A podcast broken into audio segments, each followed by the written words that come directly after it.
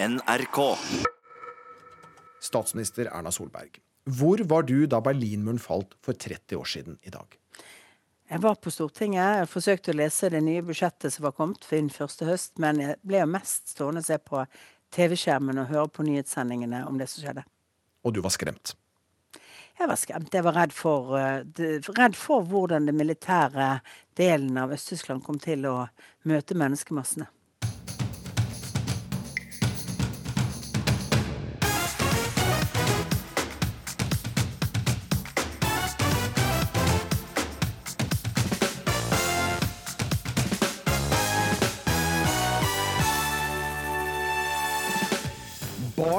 Unge som engasjerer seg i klimasaken, blir utsatt for hets av voksne folk i kommentarfelt.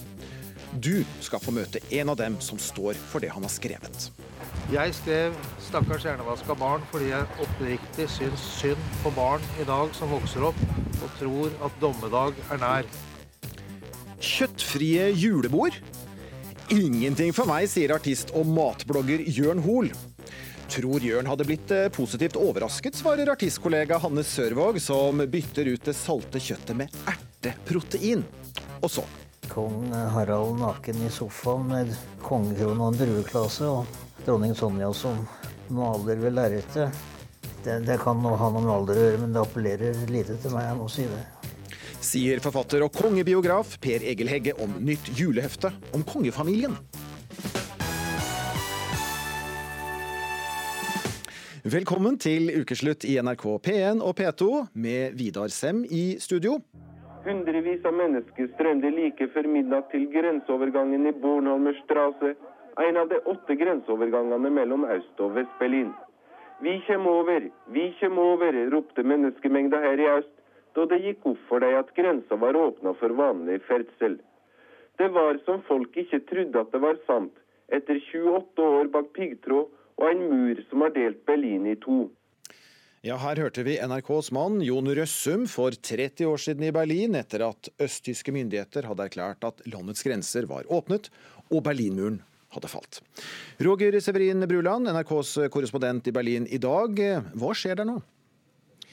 Ja, nå er det en seremoni ved Bernauer strasse der det står en bit av muren. Vi har nettopp hørt salmesang. Angela Merkel har talt. Hun sa jo at uh, murens fall var kanskje det beste som hadde skjedd uh, Tyskland, men også det mest ekstreme, og oppfordra alle til å forsvare demokratiet og våre demokratiske verdier. Dette er en dag som skal markeres. Hvordan, hva skjer utover dagen i Tyskland og i Berlin? Ja, det er jo lignende eventer da over hele byen. Det er vel sju plasser som er utpeka, der en hele veka har hatt Eh, utstillinger, seminarer, kunstinstallasjoner for å markere denne viktige symbolske hendinga i verdenshistorien, der, eh, der, muren falt og, og, den kalde krigen da etter hvert eh, tok slutt. I kveld fra klokka seks så vil det jo bli en svær konsert og taler ved Brandenburger Tor. der alle slags musikksjangre vil bli representert. Alt fra klassisk musikk til, eh, til teknomusikk. Så eh, Berlin står eh, på hodet akkurat nå. Ja, og Det er altså 30 år siden Berlinmuren falt. Men Roger Severin Bruland, fortsatt så preger den gamle skillelinjen tyskerne. Det er høyere arbeidsledighet i øst, lavere lønninger, eller for å sitere Aftenposten, folk i øst er fattigere, eldre og mer høyreradikale. Hvilke utfordringer gir muren den dag i dag? Ja, Det som har skjedd eh, med det gamle DDR, er jo at det er veldig mange unge som har flytta til vest, fordi det er mer eh, jobbmuligheter her. Eh, så er jo bildet litt mer komplisert. Vi kan jo si at i deler rundt Berlin, altså i Brandenburg, så, så går økonomien veldig bra.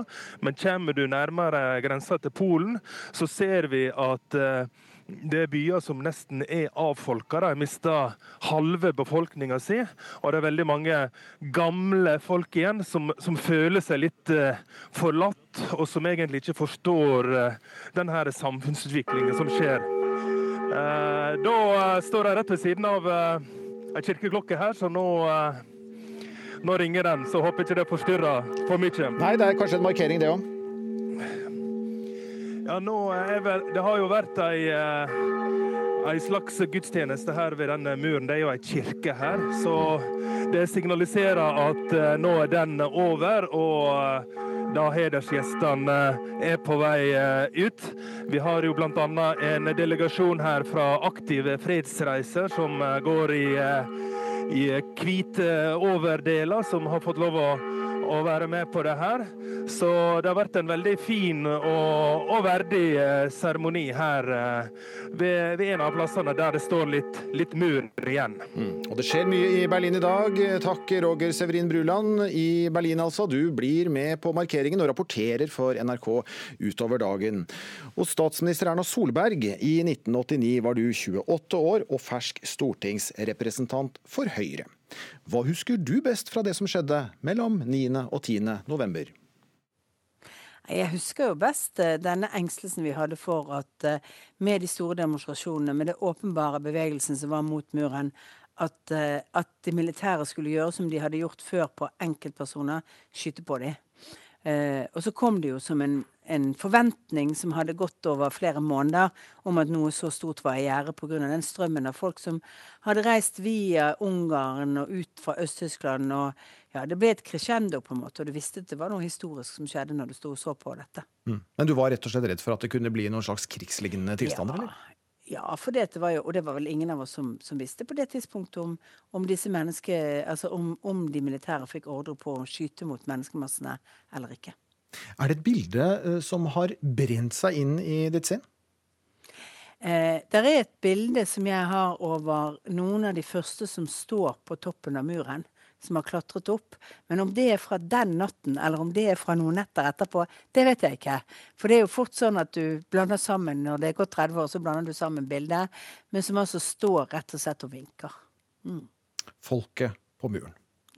Folket på muren. og for den muren hadde vært så definerende, iallfall for mitt verdensbilde. For jeg tror alle i min generasjon, den, eh, den ble jo fysisk oppført faktisk omtrent når jeg ble født. Og, eh, og, på det tidspunktet her så, eh, så var, hadde jo den formet ja, den delingen av Europa med kommunisme og frie, liberale markedsøkonomier i vest, og kommunismen og menneskerettighetsbruddene på andre siden. Det var, det var en verdensbilde som forandret seg. Hva vil du si til de som feirer i Berlin og Tyskland i dag? For det første vil jeg gratulere de og oss med dagen. Dette er et stort historisk eh, øyeblikk. For min generasjon så mener jeg at det var et av de mest Kanskje en av de største begivenhetene vi har opplevd. Formet det samfunnet jeg har fått lov å være politiker i. Eh, med, eh, og det former dagens ungdom på en helt annen måte. De lever ikke i den eh, frykten og svart-hvitt-opplevelsen som vi kanskje levde i, i, i min ungdomstid. På eh, hva som kunne skje, hvilke trusler vi møtte, og den delte verden vi opplevde. Nå skal vi skape litt julestemning.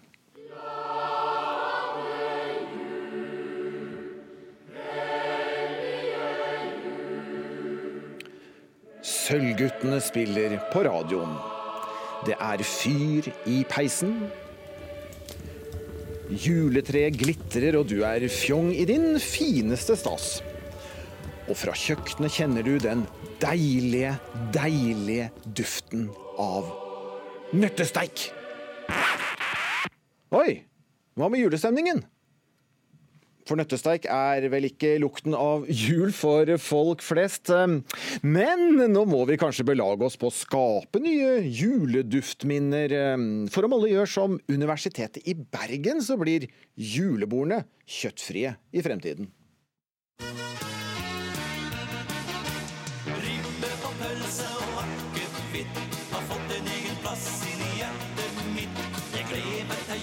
Jeg syns det er et utrolig dårlig forslag. og jeg synes liksom Dette blir sånn politisk korrekthet eh, på noe av sitt verste, syns jeg. Dette altså en gang i året. En personlig fornærma og nærmest krenka tidligere matminister Bård Hoksrud slo et slag for kjøtt på julebord tidligere i veka.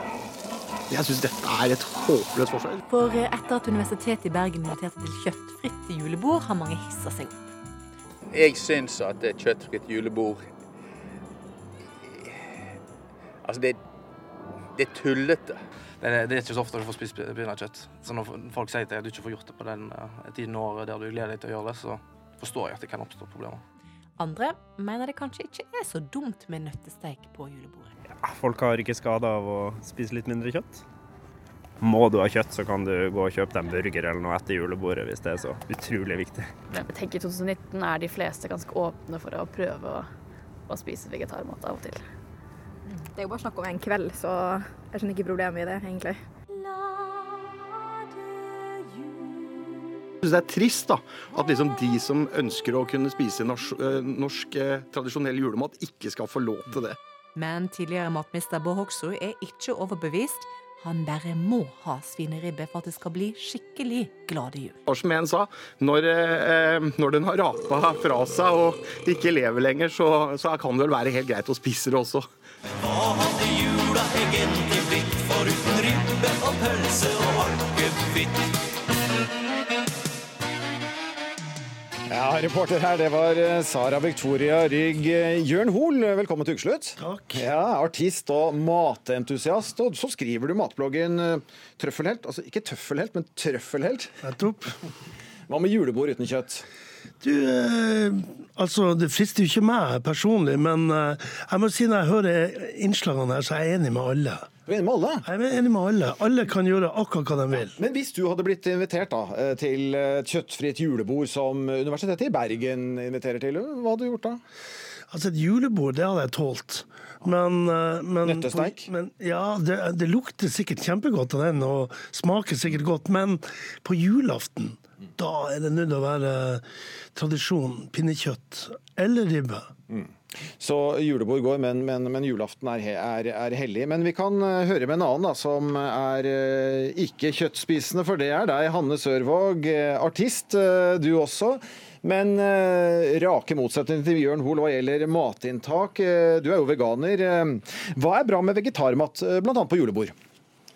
Jeg har blitt veldig overraska over hvor god eh, en vegansk juletallerken er. Så jeg koser meg jo veldig på julaften og på de julebordene som jeg går på, eh, som har vegansk julemat. Og jeg var jo òg veldig glad i julematen før òg, så det viser jo at eh, jeg har ikke måttet ofre noe smaksmessig. Men eh, hvorfor må man tukle med mattradisjoner som så mange er glad i? Altså, det er ribbe og pinnekjøtt eh, som veldig mange liker, også når de er på julebord. Ja, og det skjønner jeg veldig godt. Eh, Jeg respekterer det at folk eh, velger selv hva de skal spise. Det er bare det at akkurat nå så er vi i en periode med stor forandring. Menneskeheten står overfor store utfordringer. Og da syns jeg at det er fint å se på hvilke steder vi kan være villige til å gjøre litt endringer for å skape noe bedre for oss sjøl, for dyra og for planeten. Mm. Og det, Et sted kan jo da være, være julebord. Og Hvis vi går litt tilbake til julebordet, da, Jørn Hoel, før du skal få snakke om, om julaften her, så, eh, så er det jo det at eh, både for dyrevelferd og klode, så kan det jo være fint at vi spiser plantebasert eh, kost. Absolutt. Jeg har ingenting imot det. Eh, Og, og det er veldig mye eh, mat som ikke har kjøtt i seg, som er kjempegodt.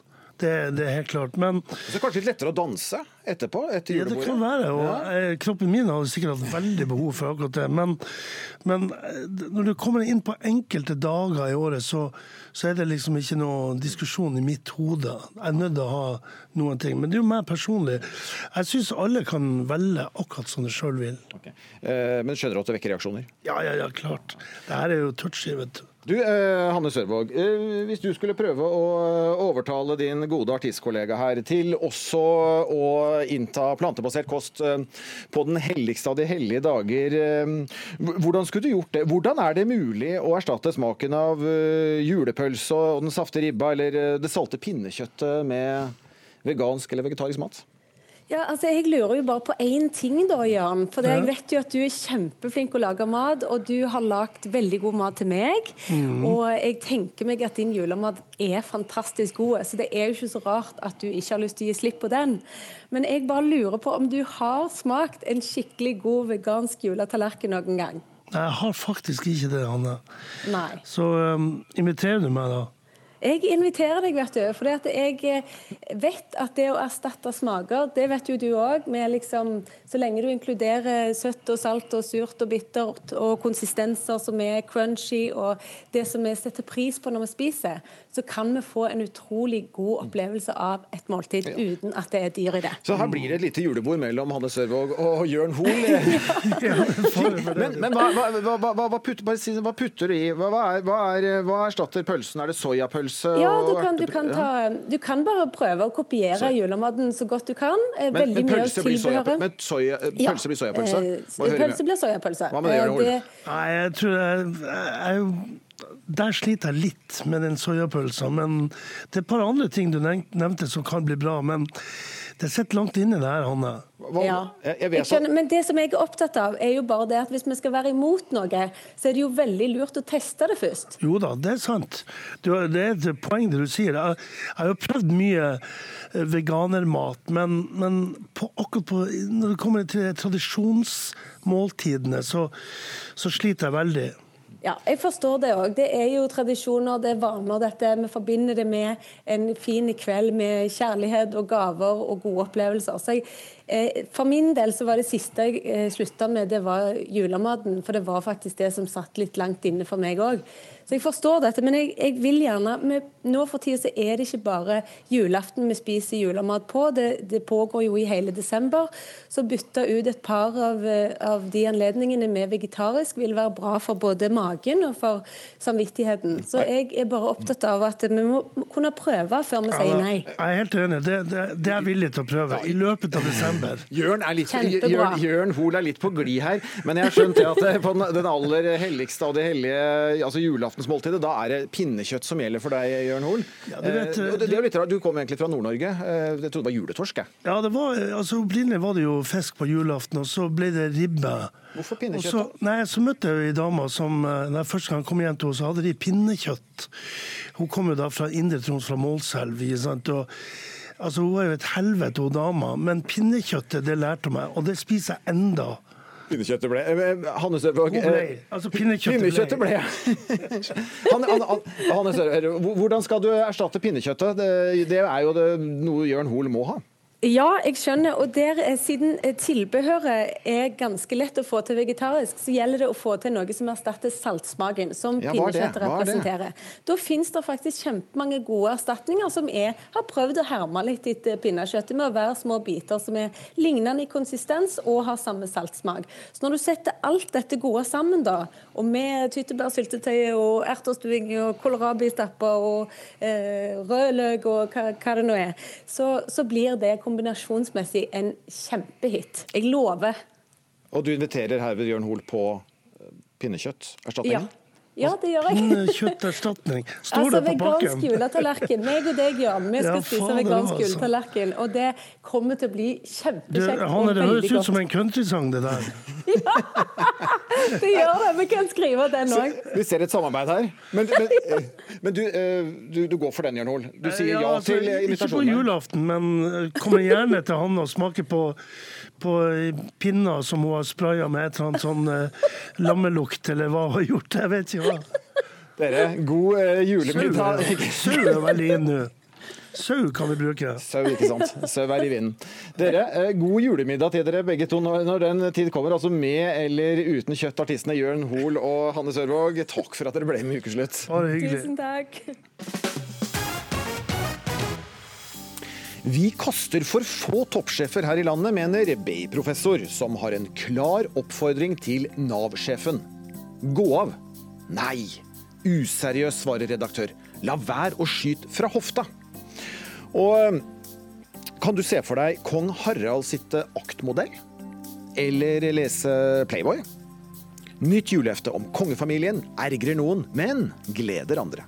Jeg syns det er helt greit. Jeg syns det er befriende. Jeg syns det er deilig at vi har muligheten for å gjøre det i dette landet. Og jeg tror det kommer oss alle til gode. Også kongefamilien. Sier skuespiller Anne Marie Ottersen. Møt henne litt senere i Ukeslutt. Rettssak nummer tre mot Eirik Jensen starta opp i dag. Den tidligere polititoppen har fem måneder på å overbevise to dommere, og fem lekfolk skal han unngå å bli en gammel mann i fengsel. Nok en gang er den tidligere politimannen Erik Jensen i retten for å renvaske seg i det som kalles den mest alvorlige straffesaken som er reist mot en politimann i fredstid her i landet. Det har vært skrevet side opp og side ned siden Jensen ble arrestert i februar 2014. Og vi har fått høre om blomsterspråk på SMS, narkotikasmugling og oppussing av bad. Miriam Befring satt i juryen i forrige runde av Jensen-saken. Hun håper dette blir den siste rettsrunden. Om man ser det fra det rent menneskelige perspektivet, så er han Jensen eh, Han har jo gått igjennom veldig, veldig mye. Miriam Befring satt i juryen i forrige runde i lagmannsretten. Hun understreker at hun ikke synes synd på Jensen. Det er jo krevende for en person å holde på sånn her lenge. Men det var rent menneskelig. Eh, det vi dømte, det gjorde vi med god samvittighet. Altså vi gjorde det jobbet vi var satt til å gjøre. Vår borgerplikt. Så for oss, vi går videre. Men han må jo stå i det enda en gang til. Juryen Miriam Befring satt i, landa på at Eirik Jensen var skyldig i å ha mottatt gaver fra hasjsmugleren Gjermund Cappelen. Men juryen frifant Jensen for å ha gitt informasjon om politiet, sånn at Cappelen kunne smugle hasj uforstyrra. Det kunne ikke fagdommeren godta, så hun forkasta juryens kjennelse. Melodien du hører her, er henta fra NRKs podkast 'Purk eller skurk'. Seks år etter at politimannen Jensen ble arrestert av sine kolleger, er det fortsatt et åpent spørsmål. Jeg tror det er lite som blir forandra. Nå har jo saken begynt akkurat som den begynte i tingretten og i lagmannsretten. Dette er reprise fra lagmannsretten, da, tredje gang. Eh, ellers er det jo helt nye dommere, selvfølgelig. Det er jo den store store forskjellen. Det er fem meddommere. Så hvis Eirik Jensen får overbevist tre av dem, tre av dommerne om at han er uskyldig, så skal han frikjennes. Kommentator i VG, Astrid Mæland, sitter på tilhørerbenken i rettssal 250 i Oslo tinghus igjen. Hun mener det fortsatt er nok å skrive om. Det er baderomsoppussinger og klokker og luksusbiler, og det er narkotikaregnskap, narkotikatyper. Det er ganske spennende innblikk i politiets etterretningsmetoder, som jeg tror politiet sliter med at vi i offentligheten har eh, fått visst om. Og vi har jo i løpet av rettssaken fått visst at de har veldig lav bemanning i påska bl.a. på grenseovergangene. For håp de har forandra det nå. Her er det et vell av, eh, av stoff å ta tak i, og det er en helt utrolig sak i norsk eh, krimhistorie. Det er true crime. Det er politimannen som folk lurer på om er politi eller røver, og det er Norges største narkotikasmugler. Er du forberedt på å tilbringe resten av livet i fengsel? Kan man noen gang bli det? Eirik Jensen blir spurt av Dagsrevyen hva han tenker om en fengselsstraff. Nei, eh, Det er klart at uh, det er jo noe som ligger i bakhodet. At uh, konsekvensen er ganske fatal hvis ikke når fram. Jensen har kasta den brune semska jakka vi så han i sist. I ankesaken er han nå ikledd ei lys rosa skjorte. I tingretten ble den tidligere politimannen dømt til 21 år i fengsel.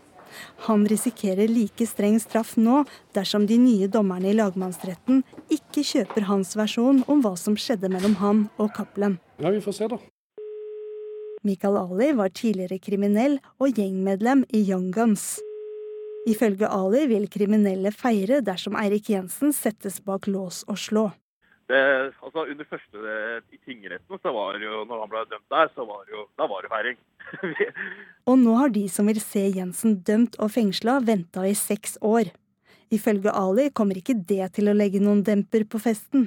For, men det, det, det, sier litt om Erik òg. Altså, at da Gunther gutta jubler at han blir dømt sånt, fordi han, han, var effektiv når han øh, var i gjengprosjektet og var den type politimann han, det arbeidet han drev med, da, han og teamet hans. Eh, så det at de gutta jubler da, det, ja, det burde kanskje måttet som kred. Uansett hva en måtte ønske for den tidligere politimannen Jensen og hasjsmugleren Cappelen, ankesaken pågår i fem måneder, akkurat som sist. For det er en komplisert sak med mange detaljer. Saken blir litt mudra til av at begge parter har løyet. Sier kommentator i VG Astrid Mæland. Gjermund Cappelen annet, han eh, ville jo lenge ikke vedgå at han var en tyster. At han var informanten til Eirik Jensen, som eh, har gitt eh, verdifull informasjon til Jensen. Nå er det jo klart at han er det, det har jo alle innrømmet nå. Det er derfor det er lukka dører hele tida, for en del av informasjonen er fortsatt så hemmelig. Eh, Eirik Jensen derimot, eh, han har òg i hvert fall eh, kommet med innrømmelser etter at bevis har blitt lagt på bordet. Ting som han tidligere har, ikke har vedgått. Det dreier seg om disse, denne sagnomsuste badeoppussinga, baderomsoppussinga hans på hans gård. Som han først ikke vedgikk at Cappelen har noe med, men det ble jo funnet fingeravtrykk på kvitteringer osv. Det er en god del sånne ting som, som svekker Jensens troverdighet. At etterforskningen har funnet bevis, og da har han innrømt.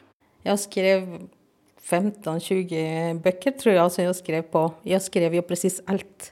Tidligere jurymedlem Miriam Befring skrev notater hele veien for å huske bedre. Og så har jeg nått å gå tilbake til når vi skulle ta beslutningen, da. Befring har følgende råd til de fem personene som er trukket ut som legdommere denne gang. Kaffe for det meste, men eh, vann og noen smådrops og i pausene frukt så man ikke gikk tom for energi hele tiden. Bare se til at man var våken. Ja, det får hver og en avgjøre, men eh, det er jo en stor, viktig sak, det er det. Og reporter her var Kari Li. Nå skal jeg stille et eh, par spørsmål. For er det for mange toppsjefer her i landet som blir sittende når det stormer rundt dem? Ja. Er eh, Nav-direktør Sigrun Vågeng en av dem? Ja. Petter Gottschalk, du er mannen som svarer her, professor ved Institutt for ledelse og organisasjon ved Handelshøyskolen BI. Og du var kjapt ute med å kreve Nav-sjefens avgang etter at trygdeskandalen ble kjent i forrige uke. Og det er flere som har gjort det. Jeg mener deler av ledelsen i Nav bør skiftes ut. Hvis hun ikke er noe kompetent til å vite at hun nå kan rydde opp, så får hun bare ta hatten sin og gå av øyeblikkelig. Ja, Erlend Wiborg i Fremskrittspartiet og Rune Halseth, en av de berørte, mener også dette her. Men Petter Goldschak, selv om du ikke er alene om å kreve Sigrun Vågengs avgang, så har hun sagt unnskyld. Hun har statsrådens tillit, og hun lover å rydde opp. Hvorfor må hun gå? Det er mange grunner. For det første så, så, mener jeg at årsaken til skandalen den starter i Nav. Det hadde ikke Nav kontroll tatt initiativet til alle disse rettssakene som ikke var begrunnet, så ville de aldri eh, hatt følgeskader. Dernest så mener jeg at eh, av hensyn til alle ofrene, altså det er jo 36 justismord, kanskje enda flere, så bør det skje en symbolsk handling ved at hun går, og de ser det skjer noe. For det tredje så vil det være vanskelig for granskerne å få mottatt tips og varsling fra ansatte i Nav så lenge de ser at den samme ledelsen er på plass. Da vil de passe seg for hva de forteller granskingsutvalget. Og det er enda flere grunner, gode grunner for at hun bør forlate plassen sin nå. Magne Lerøe, redaktør av Dagens Perspektiv. Bør Sigrun Vågeng gå av? Nei. Hva syns du da om kravet til eh, Petter Gottschalk her? Det, jeg eh, har ikke noe sans for det kravet. Altså, Eh, jeg tror heller ikke det er tilfellet. At eh, den granskningen vil bli hemmet av at Sigurd Vågen er der.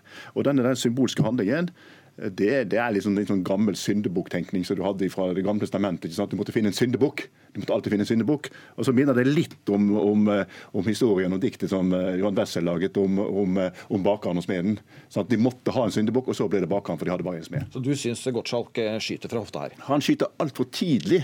Han skyter fra hofta. Han burde ha ventet til vi i alle fall fikk Eh, eh, fikk flere fakta på bordet. Og jeg synes at det som er kommet fram den siste uken, det taler faktisk i mindre grad for at det er Sigrun Vågen som er den som bør være syndebukk. For det er et kollektivt ansvar. Det er ikke minst politikerne som har sviktet, pluss domstolene. Du er tidlig ute. Du, Gottschalk, med hofteskyting her, sier Lære. Ja, Det kan godt være jeg gjør, fordi at eh, jeg syns ikke man på toppen skal sitte trygt. Jeg syns man lett skal kunne erstatte folk på toppen. Det er derfor de også får godt betalt. En viktig grunn til, det er mange flere, en viktig grunn til er at det er en kultur i Nav eh, som hun har vært med på å utvikle hvor det viktigste er å ta folk og ikke å hjelpe folk. Og Navs oppgave er å hjelpe folk. Ja, men, altså, Nav er fullstendig styrt av statsråden. Nei, altså, også... Nav er en del av forvaltningen. Det, finnes, det finnes ingen etater som blir så tett fulgt opp og så detaljstyrt som Nav. Og Politikerne er på det hele tiden. så Derfor så er det mener, å fokusere på Sigrun Våge, det er helt feil. Han burde i tilfelle fokusert på statsråden. Nei, jeg fokuserer på Sigrun Vågeng fordi hun må tenke sjøl.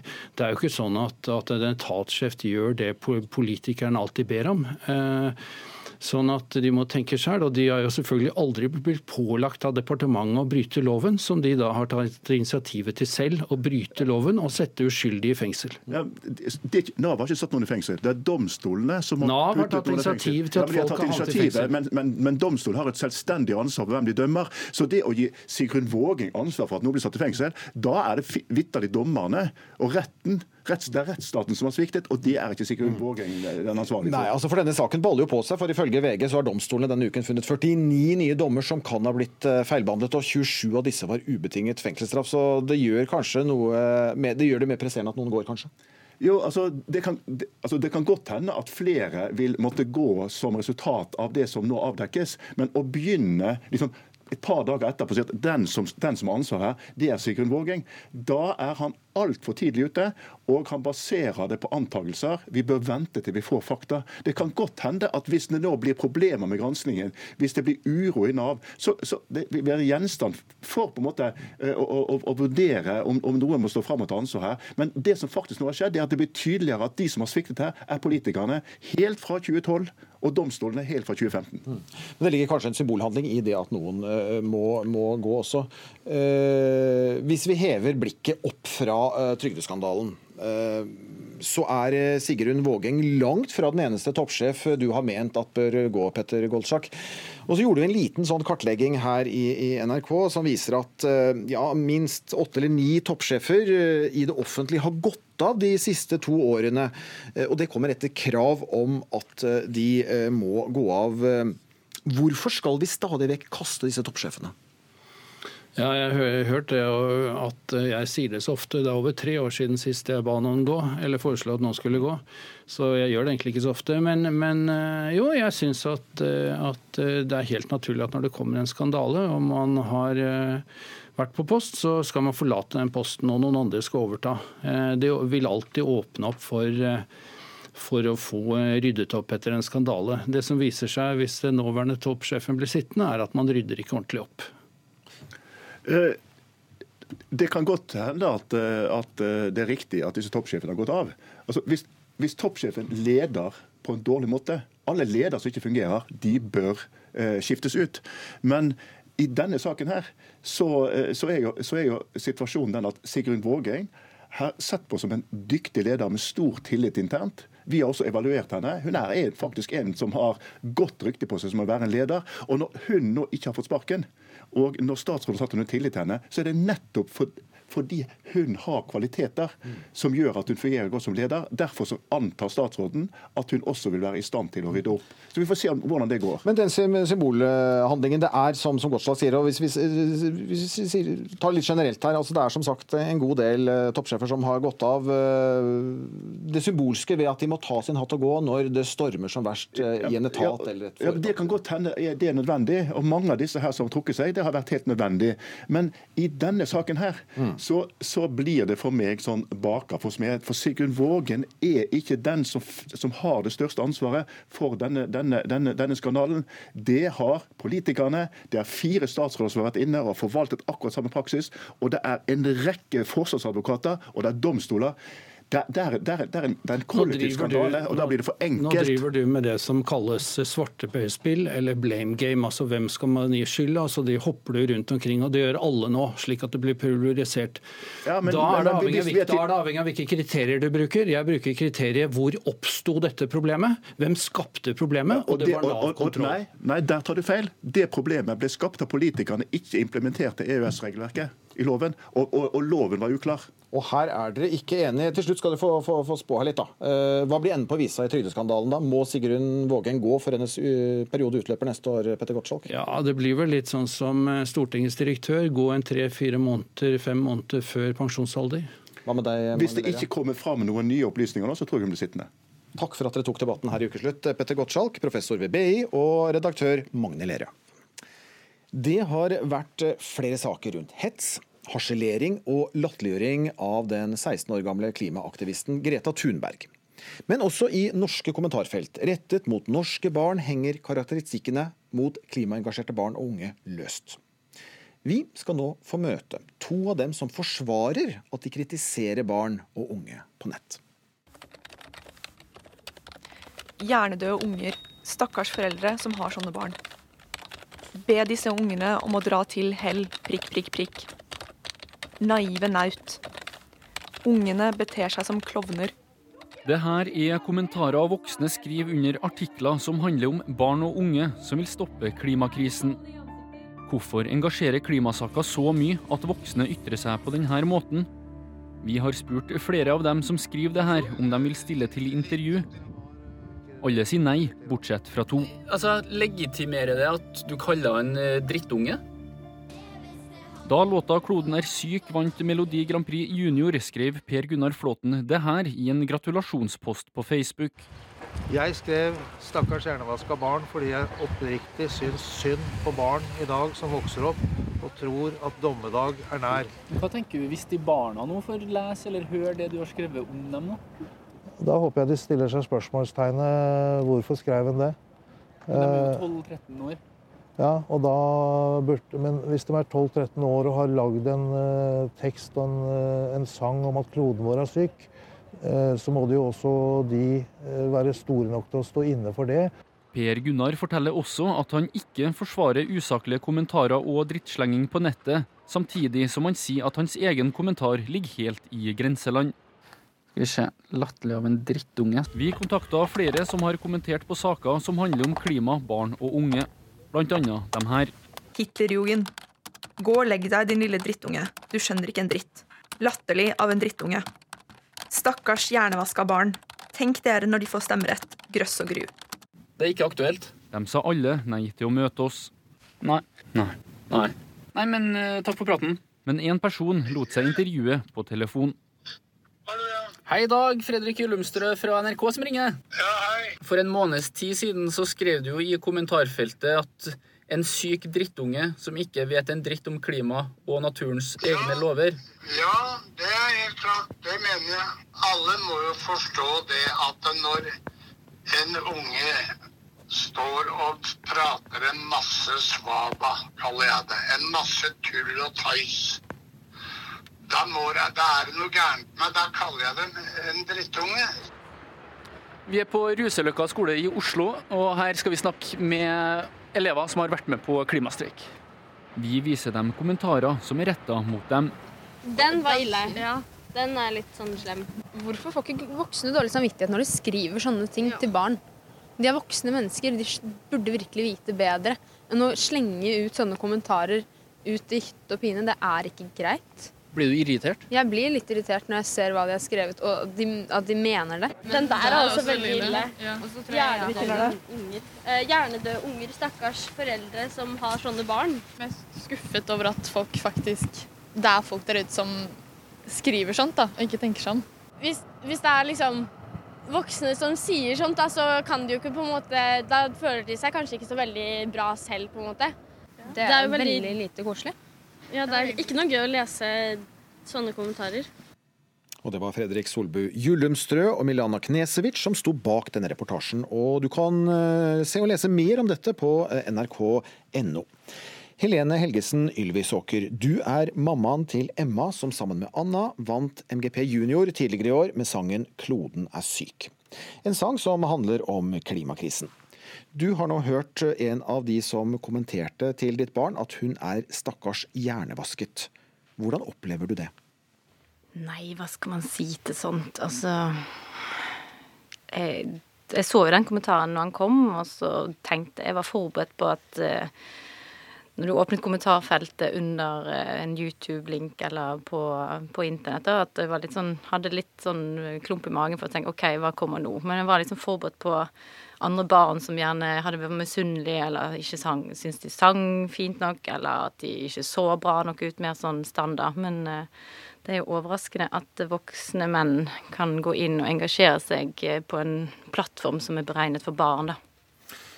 En syk drittunge som ikke vet en dritt om klima, det var en annen kommentar vi hørte her. Eh, Ja, det var kanskje ikke rettet til mitt barn eller generelt, men eh, Blir du lei deg? Ja, jeg kjente Jeg ble jo litt sånn opprørt over at eh, det Når barn på en, måte, på en måte prøver å ta ansvar og engasjere seg for samfunnet, så kan voksne sitte og mene og si stygge ting eh, til barn. Som lærer på skolen at man skal være snill og grei. Eh, det er liksom, de står liksom midt i det, og den sosiale kompetansen skal utvikles. og liksom, Så får man forbilder som Ja. Er du overrasket over disse kommentarene?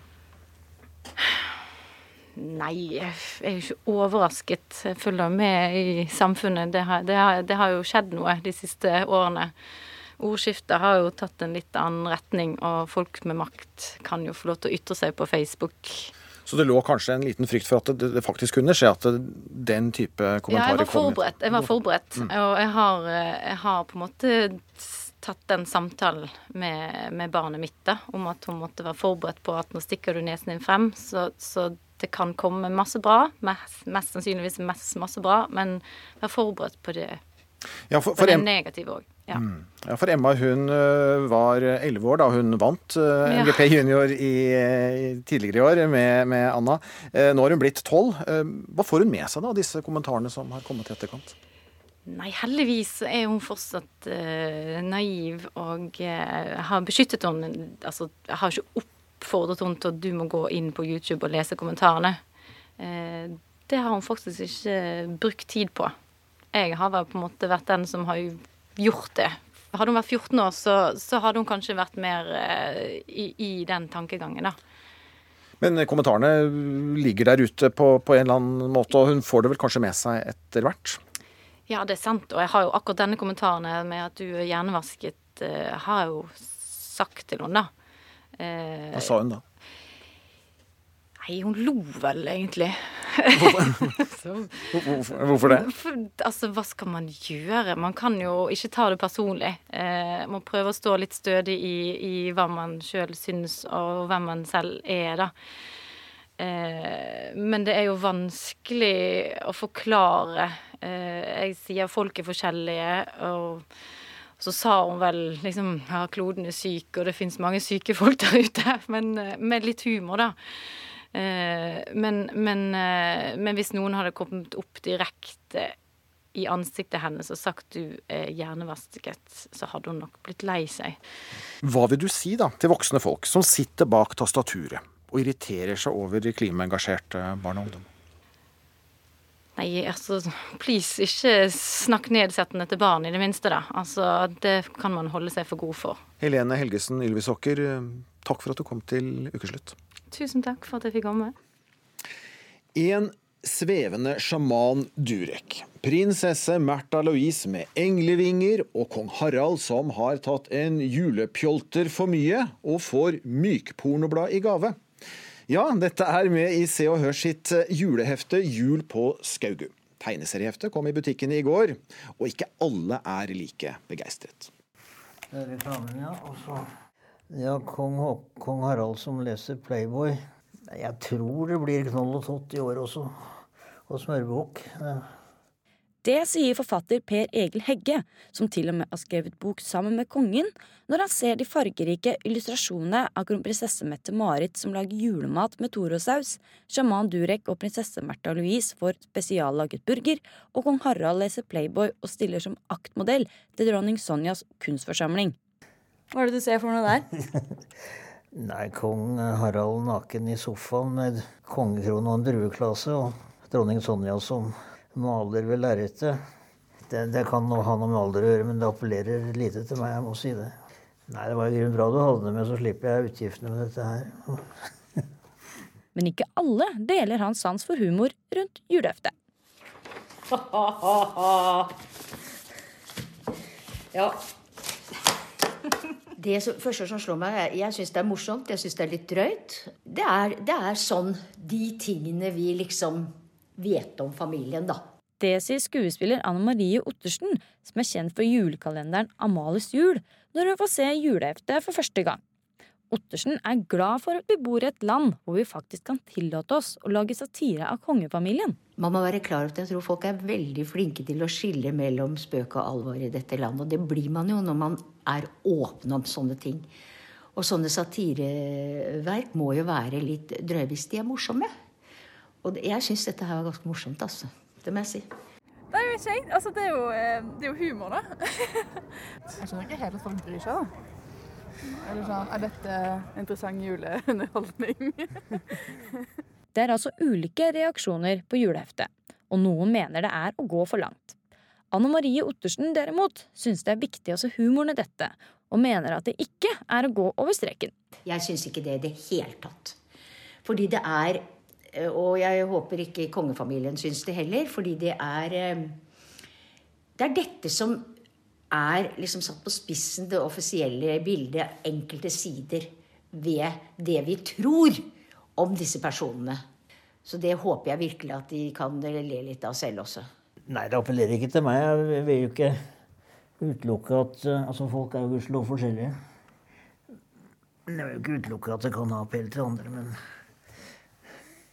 jeg syns ikke dette er noen innertier, nei. Det, det syns jeg egentlig ikke noe om. Jeg syns ikke det har noe med jul å gjøre. og Jeg, jeg liker det ikke. Jeg syns det er helt unødvendig. Og jeg syns disse her blir hengt ut nok som de gjør i media, men ikke skal lage et sånt type produkt. Nei, det syns jeg ikke. Jeg syns de kan få være i fred. Kongefamilien er en offentlig familie, og i juleheftet harseleres det også med kong Harald. Dette mener heller ikke Ottersen er noe problematisk. Jeg syns det er helt greit. Jeg syns det er befriende. Jeg syns det er deilig at vi har muligheten for å gjøre det i dette landet. Og jeg tror det kommer oss alle til gode. Også kongefamilien. Humoren har kanskje forandra seg gjennom generasjoner. Det mener i hvert fall Hegge. Men om den treffer kongen den dag i dag, er han ikke sikker på. Men han har allikevel en viss formening om hva kongen synes er morsomt. Jeg spurte ham om det da jeg holdt på med biografien om ham. Og da sa han nei, jeg syns det er morsomt jeg, når de gjør narr av meg. Men det må være kvalitet, og hvis det er dårlig, så gidder jeg ikke å høre på. Men jeg gidder ikke å bli fornærmet. Jeg vil bli forbauset hvis han plasserer dette blant innertierne, altså. Jeg syns, jeg syns det var litt over, over streken. Deler av det er kanskje litt over grensa, men sånn i det store og hele kanskje ikke alt her er over grensa i alle fall. Jeg vet ikke. Jeg syns ikke det er så morsomt, iallfall. Jeg ville aldri kjøpt det bladet. Det er ikke det du vil sitte og kose deg med i jula? Nei. Og reporter her var Dagny Elisabeth Ulland. Ja, nå sitter jeg her da med bladet som viser kong Harald som aktmodell, og jommen har han ikke fått for mange pjoltere. Og et Playboy i julegave. Og Ulf André Andersen, ansvarlig redaktør i Se Hør. Er det morsomt? Ja, vi syns jo det.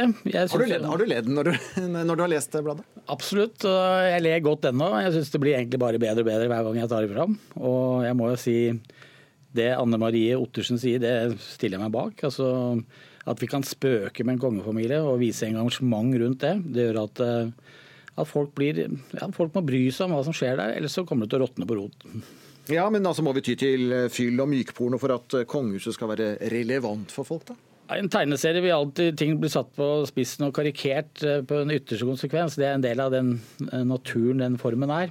Og så kan si at ja, Vi balanserer på grensen, og det er også litt av meninga med dem. Ja, For mange er jo ikke enig med Anne Marie Ottersen her. Er det litt for drøyt? Nei, altså Det er delte meninger om det. Det, Hva det respekterer vi. Nei, Jeg syns ikke det. Jeg syns det er helt innafor. Synes det, det vi prøver på det... her, er å le med kongefamilien, ikke av kongefamilien. Og det har kommet en god del ting inn i kongefamilien som gjør at vi må kunne le av det. Og det er det som er fint i Norge, at ikke alt er så veldig seriøst. Men dere beveger dere på en grense her? Nei, jeg, jeg, Vi beveger oss på en grense, men jeg føler at vi er innafor. Og at dette er lagd i kjærlighet til kongefamilien. Ja. Du, det som har kommet inn i kongefamilien, sier du også. Vi har jo sjaman Durek her, en svevende sådan, som krydrer tilværelsen for de kongelige i dette juleheftet. Ville dette heftet, uten det oppstyret vi har hatt rundt sjamanen og prinsessen, blitt noe av?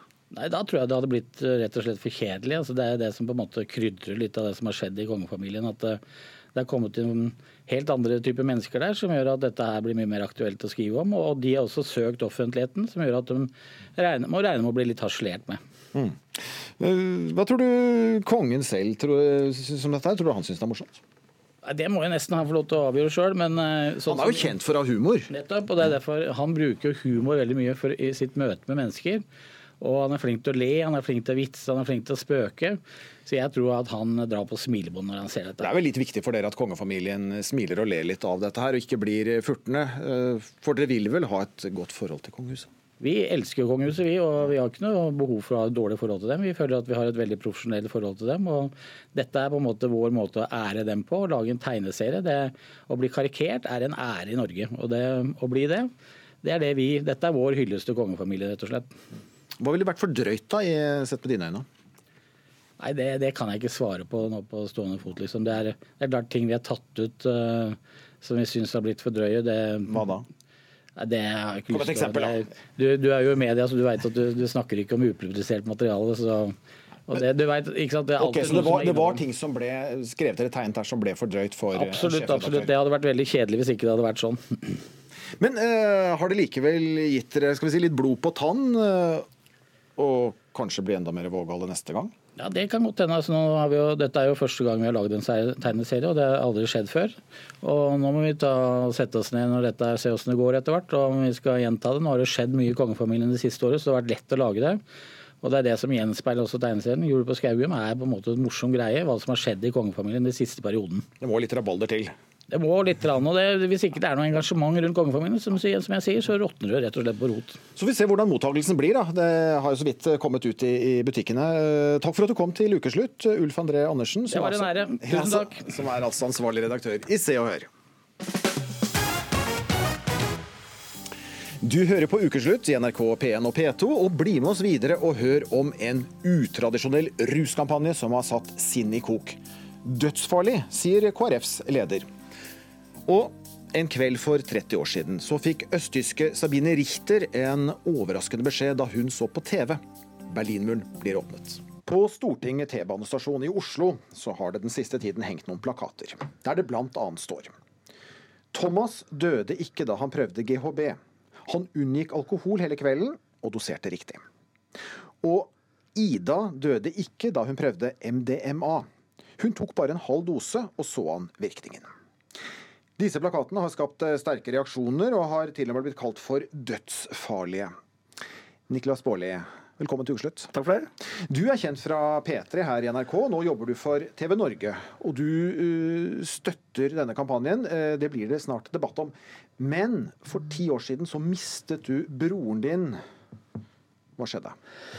Han var jo uh, rusavhengig over lengre tid. Ble nykter falt tilbake til gamle vaner og tok gammel dose og overdoserte og døde. Det er ti år siden, eh, så denne kampanjen kunne nok ikke reddet han. Men jeg tror jo sånne kampanjer som dette kanskje kan forhindre sånne type dødsfall. Mm. Og dette er et dødsfall du ikke har snakket om tidligere? Nei, det har egentlig aldri passet seg. Men det har jo gjort at jeg har blitt eh, litt um, ekstra interessert i ruspolitikk, f.eks. Som gjør at jeg har et uh, ekstra gir der, og derfor uh, følte ja, behov da, for å støtte denne kampanjen. Ikke sant? Og den eh, støtter du altså helhjertet opp om. Det er altså en kampanje fra foreningen Tryggere ruspolitikk. Hvorfor er dette en bra kampanje? Det er jo fordi det er bevist at kunnskap reduserer risiko for overdoser og avhengighet. Eh, så jeg mener jo at hvis ungdom, som jo kommer til å prøve dop, mange, mange, mange tusen mennesker gjør dette her selv om det er ulovlig, så bør man jo da kanskje gi dem de verktøyene man trenger for å unngå uheldige overdosedødsfall, eh, og få ned statistikken på nettopp det. Dødsfarlig. Det er ordene du bruker om denne kampanjen, KrF-leder og barne- og familieminister Kjell Ingolf Ropstad. Hvorfor det? Først vil jeg jo bare si at eh, Det gjør jo inntrykk å høre Bårli sin situasjon og historie. Eh, og Jeg tror at uh, intensjonene bak kampanjen jeg tror er de aller beste, men, men, jeg tror at effekten av det kan være dødelige. Og Det er fordi at det, det, det langt på vei normaliserer eller ufarliggjør det å bruke tunge narkotiske stoffer, som jo er veldig farlig. På hvilken måte gjør det det? Ja, Når du leser noen av disse budskapene som du leste opp, så gir de jo et inntrykk av at det er ufarlig å bruke f.eks. LSD, GHB, ecstasy, så lenge du gjør det på, på rette måte. Men, men, det er veldig farlig. Og min frykt er jo at dette sender et ja, langt på vei positivt signal om at det er greit å bruke narkotika bare du gjør det på rett måte. Eh, så er det flere som blir rekruttert inn, og flere som ender med å ta overdose. Ja, Niklas Baarli, det kan jo tolkes dit hen at det er OK å ta dette stoffet, bare ikke for mye? Nei, Det syns jeg ikke. Fordi man alle i hele Norge er bevisst på at eh, narkotika er ulovlig, og at det er straffeforfølgelse rundt det hvis du blir tatt med narkotika, eller hvis du eh, skulle importere det eller lignende. Så jeg tror, ikke, jeg tror, ikke, folk får inntrykk av at det er lovlig og greit å ta dop. Men jeg tror kanskje veldig mange er farget av skremselspropaganda som har vært eh, i Norge, og på en måte måten å gjøre det på i veldig, veldig, veldig mange år. Altså Kunnskap er bra. Forskning viser at kunnskap skaper færre overdoser og mindre avhengighet. Så det er jo å snakke mot bedre vitende og si at denne kampanjen her er livsfarlig. Det er livsfarlig å ikke ha nøytral kunnskap der ute, som ungdom og andre lett påvirkelige mennesker kan få. God ruspolitikk er god opplysning, Ropstad. Ja, men, men, det er stor forskjell på å gi kunnskap til f.eks. elevene i skolen eh, om narkotika, og det å langt på vei fremstille det positivt. En, en annen kampanje som, som, jeg så, det var jo at MDMA eh, gjør vanligvis brukeren glad, rolig, empatisk, åpen og pratsom. Og hvem er det som ikke har lyst til å bli glad, rolig og åpen og pratsom? Altså, det, det, bare du doserer dette middelet riktig, så, får du en positiv og, og flott opplevelse. Og, og, jeg kan ikke se noe annet enn når jeg leser disse, så ufarliggjør det eh, narkotika. og, og det det bekymrer meg. Og når jeg snakker med, med andre tidligere rusmisbrukere eller pårørende, så er det veldig mange som har gitt meg respons om at dette er veldig farlig. Og politiet sjøl sier jo at de møter flere og flere ungdommer som bare pga. debatten om avkriminalisering eller legalisering av hasj, så er det mange ungdom som tror at det er lov. Eh, så, så det viser jo allerede at debatten påvirker. I eh, desember 2016 gjorde den skotske regjeringen en undersøkelse på hvordan man skal nå fram til ungdom med sin altså, med kunnskap om dop og narkotika. Og Det viser jo at eh, kunnskap som er nøytral og ikke skremselspreget, gjør mye bedre effekt hos unge mennesker. Da skjønner jeg ikke hvorfor man skal hele tiden gå rundt og si sånn Rører du LSD, så setter du deg fast i en apokalypse du aldri kommer ut av, og du hopper fra takhøyder. Du gjør jo ikke det. Det er ikke sånn narkotika fungerer. Og når unge mennesker kommer til å prøve narkotika, det vet vi, det kommer vi aldri til å klare å få stoppe. Krigen mot narkotika, den er tapt dessverre, så må man da prøve å opplyse folk om at GHB, ja, hvis du blander det med alkohol, da er du mm, altså, mest sannsynlig dødsdømt. Min bror døde av en GHB-overdose fordi han kombinerte det med alkohol og for mye GHB. GHB er livsfarlig hvis du ikke tar de rette små, små, små dosene. Og Da tror jeg det er lurt å informere folk om OK, GHB, vanlig partydop, spesielt i hovedstaden. Skal du prøve det, vit hva du gjør. Når du oppsøker denne foreningens nettsider, så får du også minussidene ved dop. Det er ikke bare hylles, det er ikke instrukser på slik får du tak i det, slik tar du det. Det er også disse er farlige, disse gjør deg avhengig, derfor skjer det, derfor skjer dette. Men samtidig er det jo en veldig eh, stor forskjell individuelt på hvordan du reagerer på ulike stoff. Eh, og disse kampanjene kommuniserer jo ingen risiko eh, i det hele tatt. Og det at, at den gjenger ut på den måten og ufarliggjør det, det er jo det som er bekymringsfullt. Og når de henger der de gjør, der skoleungdommen er på vei til, til skolen, så, så, er jeg sikker på at det er mange som iallfall senker garden når det gjelder narkotika. Og, og selv om det er mange som prøver hasj eller prøver narkotiske stoffer, så må jo hele tida målet være at det er færrest mulig. fordi det er sikkert noen som kan klare eh, å bruke noe narkotika, komme seg ut av det eller gjøre det på en, en måte der, som ikke er livsfarlig. Men, men, veldig mange kommer jo inn i rusmisbruk og får et forferdelig liv. Og Det er jo min oppgave som politiker å hindre. Mm. Hvis du hadde vært ungdom eh, nå, Ropstad, hvordan hadde en slik kampanje virket på deg? Det er jo veldig vanskelig å si, men, men, men, men selv om ikke jeg er, er ungdom i dag, så er det når jeg har lest disse plakatene, så, så klarer jeg ikke å se på det noen som annen måte enn at, at det er med på å senke eller det er med på å ufarliggjøre narkotika. For det kommuniserer på en måte som, som jeg opplever som at bare jeg hadde brukt denne dosen riktig, så, så hadde det vært positivt. Eh, eller iallfall ikke farlig. Men syns du det er lure at de ungdommene som jo da kom eh, altså de ungdommene som får tak i narkotika har tenkt å prøve det, gjør det i blinde? Er det bedre enn at de da har i hvert fall kjører reglene klare? Ja, men, men, men kjørereglene, altså, altså, disse kampanjene opplever jeg bare er med på å ufarliggjøre narkotika. Og Hvis det er sånn at, at uh, ungdom vil prøve narkotika, så, så, så, håper jeg jo virkelig at ungdom er fornuftige nok til å ha en viss kunnskap eller se, eh, søke opp litt om, om stoffer. Det er jo nok av nettsider som, som, har informasjon om det. Dette er jo plakater som henger rundt i, i, i, Oslo. Og jeg er ikke redd for kunnskapen, og gjerne snakk om det i skolen, men, men dette er ufarliggjøring. Mm. Og de, de, plakatene som altså ble hengt opp på Stortinget T-banestasjon ble kanskje også hengt litt strategisk. Det var sikkert noen stortingspolitikere som så de på vei dit også, og, og flere som har reagert. Blant andre deg, barne- og familieminister Kjell Ingolf Ropstad. Jeg sitter jo her med spørsmålet da, om vi blir klokere og mer forstandige og forsiktige, eller om slike kampanjer appellerer til nysgjerrighet og vågal bruk av forbudte narkotiske stoffer. Her lever nok uenigheten mellom dere. Jeg tror nok det. Niklas Baarli og barne- og familieminister og KrF-leder Kjell Ingolf Ropstad, takk for at dere tok debatten i Ukeslutt. Nå skal vi igjen 30 år tilbake i tid. Vi skal først til Berlin, der flere tusen østtyskere altså strømmet fram og tilbake gjennom grenseovergangene i muren etter at de ble åpnet i natt. Nå i morges sier myndighetene i DDR at alle som ber om det skal få pass og visa raskt, slik at trafikken over grensa ikke blir helt ukontrollert. Vi skal til en av grenseovergangene i Berlin i natt. Etter at det som er kalla skammens mur ble bygd for 28 år siden, ble den med ett slag overflødig i natt.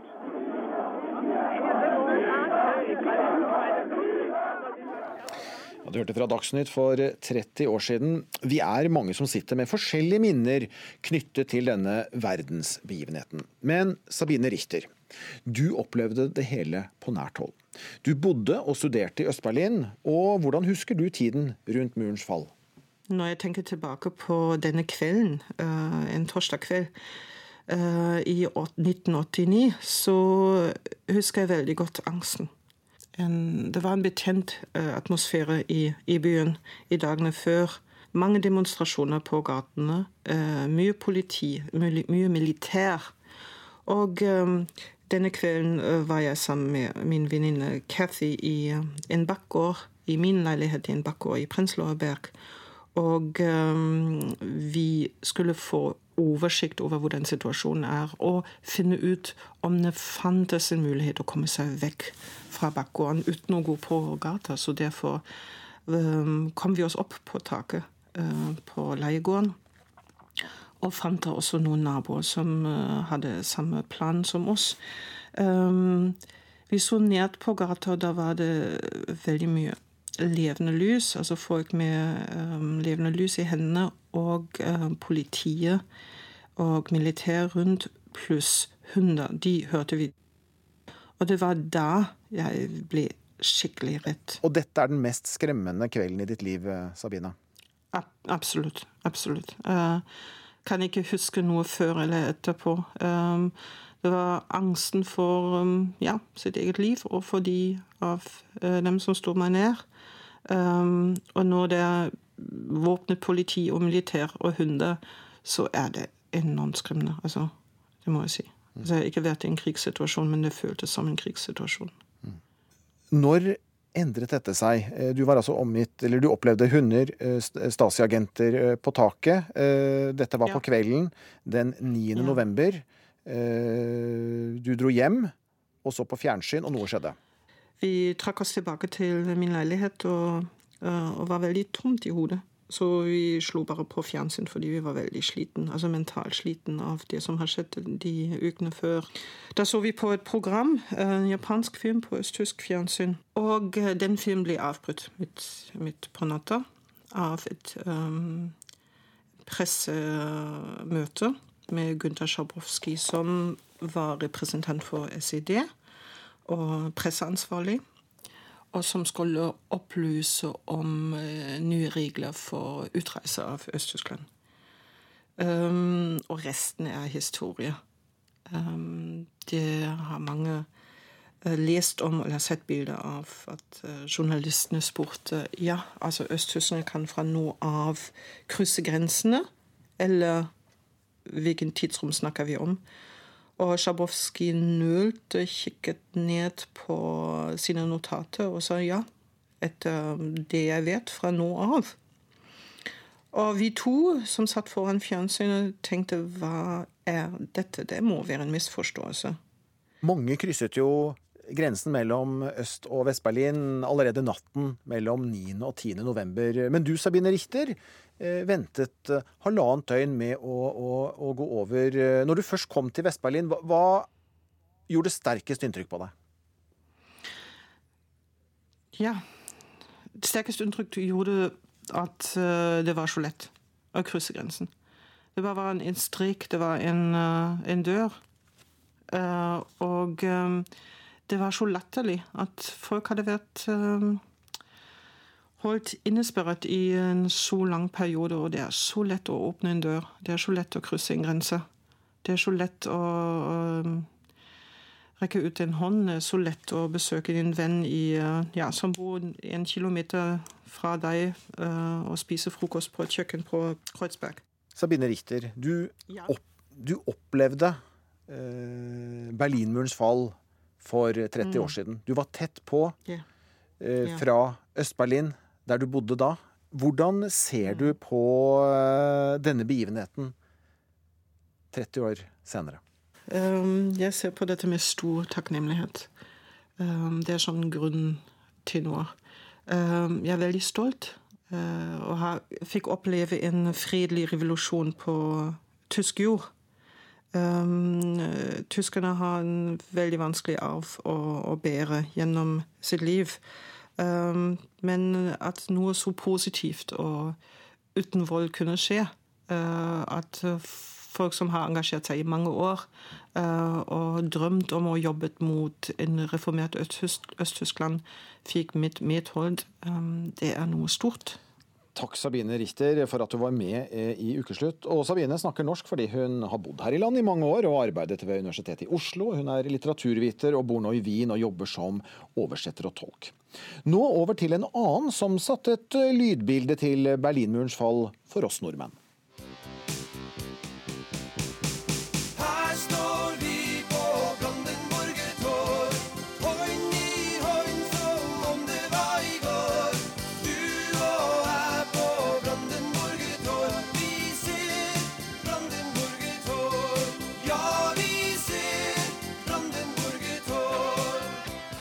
Artist eh, Ketil Stokkan, velkommen til ukeslutt. Ja, takk, takk. Ja, Du er jo mannen bak eh, Brandenburger Tor. Eh, hvor var du da Berlinmuren falt for ganske nøyaktig 30 år siden, husker du det? Jeg tenker at jeg som Sabine satt og så på TV-en Det var jo Alt, alt, alt ble jo avbrutt, og det var liksom det som var den store begivenheten og tok opp hele TV-ruta. Da satt jeg med gitaren og holdt på med en og i den, Samtidig satt jeg og holdt på med en, en, en, en engelsk låt. Og, og så kom dette her med Brandenburger Tour og alt sånt. i- i- Let's go down to Brandenburger Tour. Du må så på disse her jublende scenene med, med ungdommer som klatra opp på, på muren. Ja, ikke sant, Noe her ble blandet med melodi og, og tekst som eh, du fikk Ja. frem til, til, til noe. Eh, Før vi kommer til Brandenburger Tor, eh, hvilke tanker og følelser gikk gjennom deg eh, da? Da Berlinmuren falt? Jeg tenker at det var, var, var glede. Altså Man tenker på at, at her var det et folkeslag som ble delt i to i løpet av et døgn. Eh, Familier som var på jobb på hver sin side, som ble splitta. Og eh, Det var jo helt forferdelig. Altså man, man, vi bor i et parlamentarisk eh, demokrati i Norge, og så ser man hvordan disse menneskene blir fratatt sin stemme og fratatt sitt liv. Altså Det var jo eh, helt, helt forferdelig, det som, det som skjedde. Og så når, når da endelig muren åpnes, så, så ser du den gleden. altså. Jeg ser fortsatt for meg bildet eh, når vi går tilbake til, eh, til, eh, til til de bildene som, som, som jeg som lærer da viser frem til, til elevene i 9. klasse når vi holder på med andre verdenskrig og tida etterpå, så ser jeg den bildet av den soldaten som hopper over piggtrådgjerdet og, og stikker over på vestsida. Det er liksom Eh, Og du satt, du, satt, du satt og fiklet med gitaren, og ja. Og, ja, og det skapte et engasjement eh, hos deg. Og engasjementet ble altså en låt? Ja, du vet at og, det, det, det, her skjer jo Det var jo masse Vi var masse, masse folk som holdt på med, med, med, figurativ kunst, folk som holdt på med musikk, folk som holdt på med tekster. Det, eh, alt, alt, alt, alle mennesker som holdt på med noe intellektuelt i den tida, eh, kom med uttrykk som hadde med, med at med, med det som skjedde altså med Øst- og Vest-Berlin. Og Det skjedde jo samtidig med, med at vi, vi, vi snakka om å forene et Europa. Endelig skal et Europa forenes. Mm. Og for, for, deg så ble uttrykket, eller det du skapte, det ble Brandenburger Tor? Ja, det ble jo det, da. mm. Og du, Ketil, du har jo faktisk tatt med deg gitaren din til vårt studio i Tromsø. Og det pass, passer jo godt da, på en, på en dag som denne her. Og, eh, og markere litt 30 år siden eh, at du faktisk eh, spiller for Ukesluttslytter. Er du klar, eller? Jeg kan spille litt for deg. jeg kan det. Skal vi høre Brannborger Tår? En hel verden var til stede for å dele det som skjedde den høsten. Vi som mennesker gråter av glede, og en grense åpner mot øst. Ingen kunne la være. Alle sammen var der og fikk se Brandenburger tårn. Her står vi på Brandenburger tårn, hånd i hånd som om det var i går. Du og jeg på Brandenburger tårn, vi ser Brandenburger tårn.